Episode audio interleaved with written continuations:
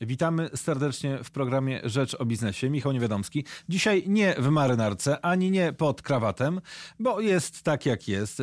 Grunt to dobrze zacząć rok, czasami z pewną drobną kontuzją. No ale cóż, tak już niestety bywa. Ale dzisiaj nie o kontuzjach, ale o wydatkach. O wydatkach na polską energetykę. Państwa i moim gościem jest dzisiaj pan Marcin Stoczkiewicz, Fundacja Client Earth, yy, prawnicy dla ziemi. Dzień dobry, witam serdecznie. Dzień dobry, witam pana, witam państwa. Yy, panie Marcinie, Fundacja razem z yy, think tankiem yy, Wice Europa opracowała taki raport, z którego wynika, że 7 miliardów rocznie dopłacamy do polskiej energetyki. Co to znaczy, że do niej dopłacamy? I dlaczego aż tyle pieniędzy? Chcę powiedzieć, że wszyscy do niej dopłacamy e, i dopłacamy około 30 miliardów e, złotych do energetyki węglowej i mniej więcej połowę tej kwoty do energetyki odnawialnej mhm. w latach 2013-2018.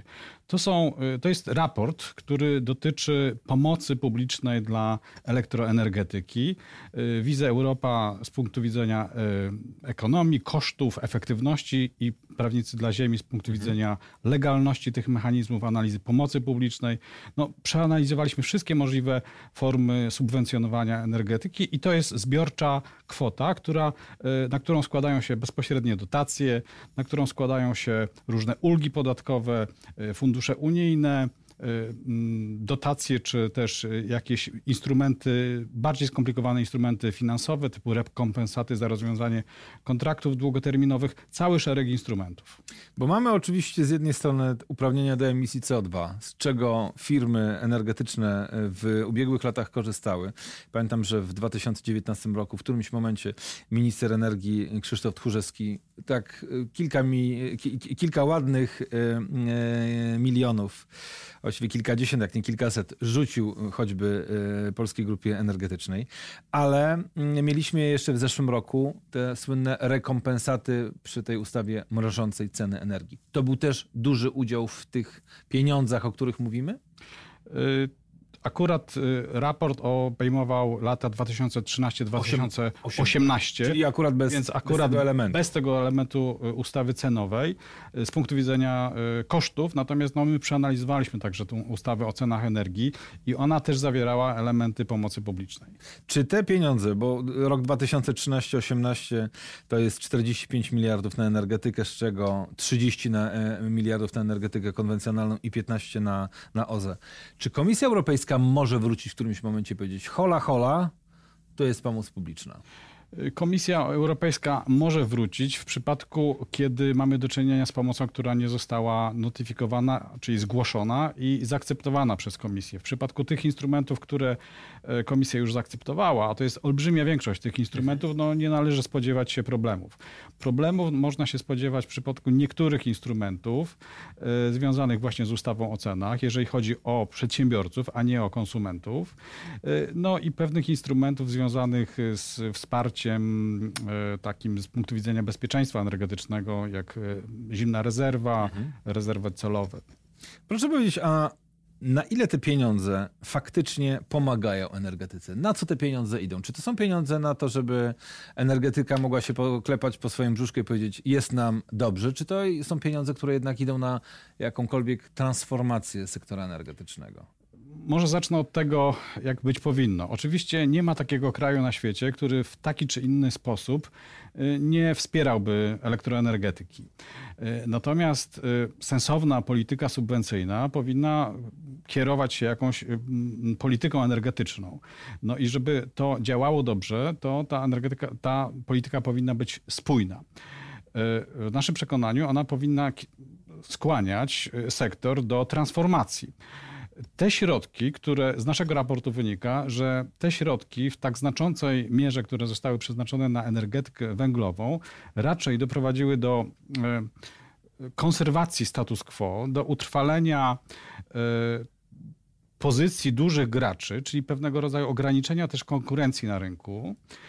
E, za tym idzie stagnacja, jeżeli chodzi o modernizację energetyki i pójście w szczególności w kierunku niskoemisyjnym czy e, w kierunku energetyki odnawialnej.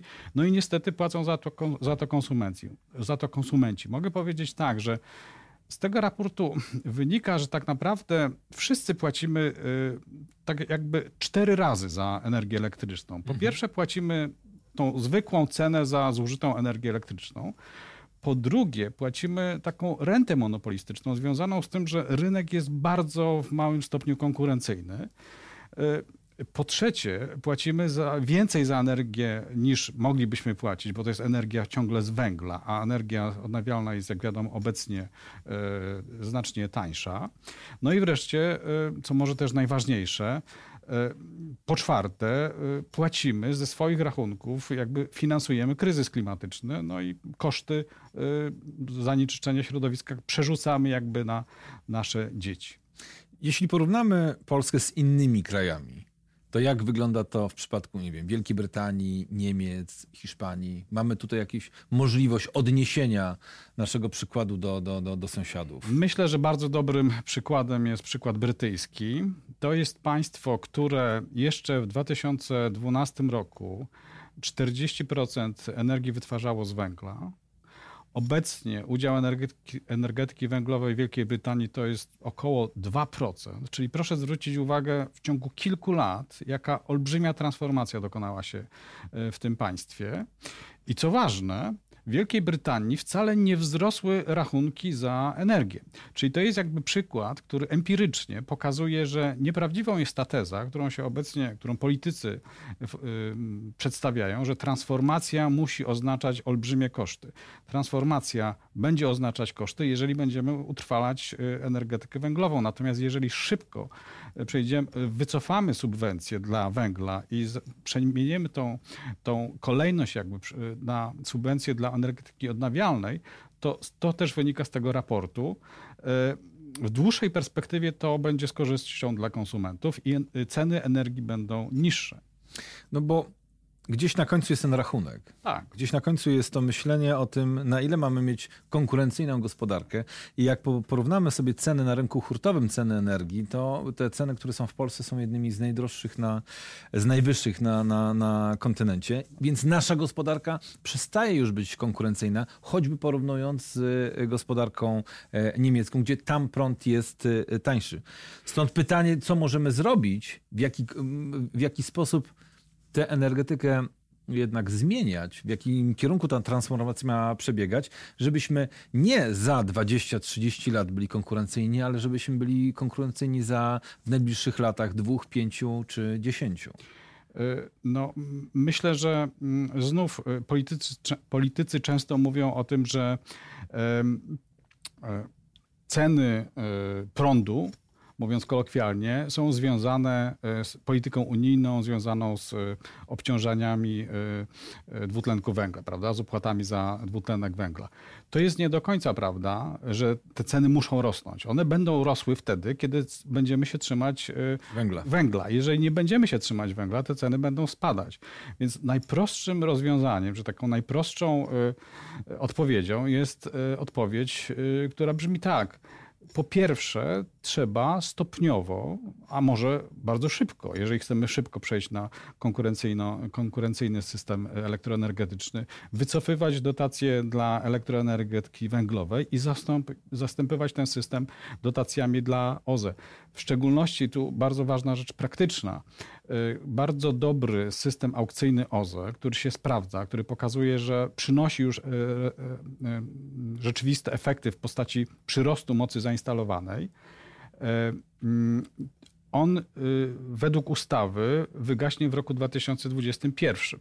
Więc już obecnie trzeba podjąć pracę i w szczególności notyfikować tą pomoc do Komisji Europejskiej, czyli zgłosić do Komisji, aby uzyskać zgodę. No, bez wątpienia przy dobrze skrojonym mechanizmie taka zgoda będzie udzielona na kontynuowanie aukcji w zakresie OZE.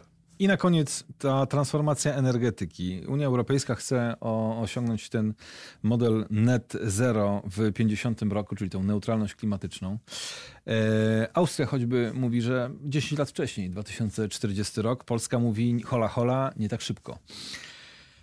Ale gdy będziemy w tym ogonie, a nie w peletonie, to będziemy, to płacić, będziemy płacić cały czas więcej. I wyciąganie pieniędzy na transformację będzie o wiele trudniej, bo w Brukseli będą mówić hola hola. No chcecie, właśnie. chcecie się transformować, to pokażcie, tak? Tak. Pokażcie na zachętę, że jesteście w stanie to szybciej robić. My zaś mówimy, nie, nie, nie, nie, nie, to wydajcie nam kasę. Ja tutaj trawestuję takie słowo byłego prezesa telewizji publicznej, który mówił, ile tyle misji, ile abonamentu, czyli ile pieniędzy z Unii, tyle transformacji. Droga donikąd, więc co by pan radził tak konkretnie, w co powinniśmy wchodzić. Czy faktycznie powinniśmy myśleć o atomie, czy powinniśmy e, odblokować OZE i na, na lądzie i faktycznie rozbudowywać ten park e, maszynowy, bo to OZE jest już teraz znacząco tańsze, E, czy też jednak trzymać się tego węgla i bardzo powoli z tego węgla schodzić.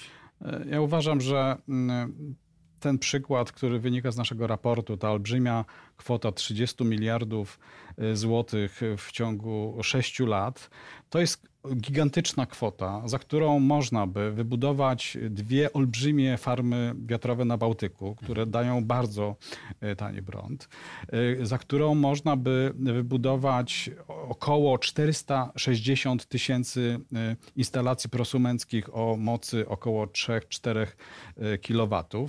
No, to jest kwota, którą można by porównać do kwot, y, które są potrzebne na wybudowanie wręcz elektrowni jądrowej, żeby porównywać y, koszty.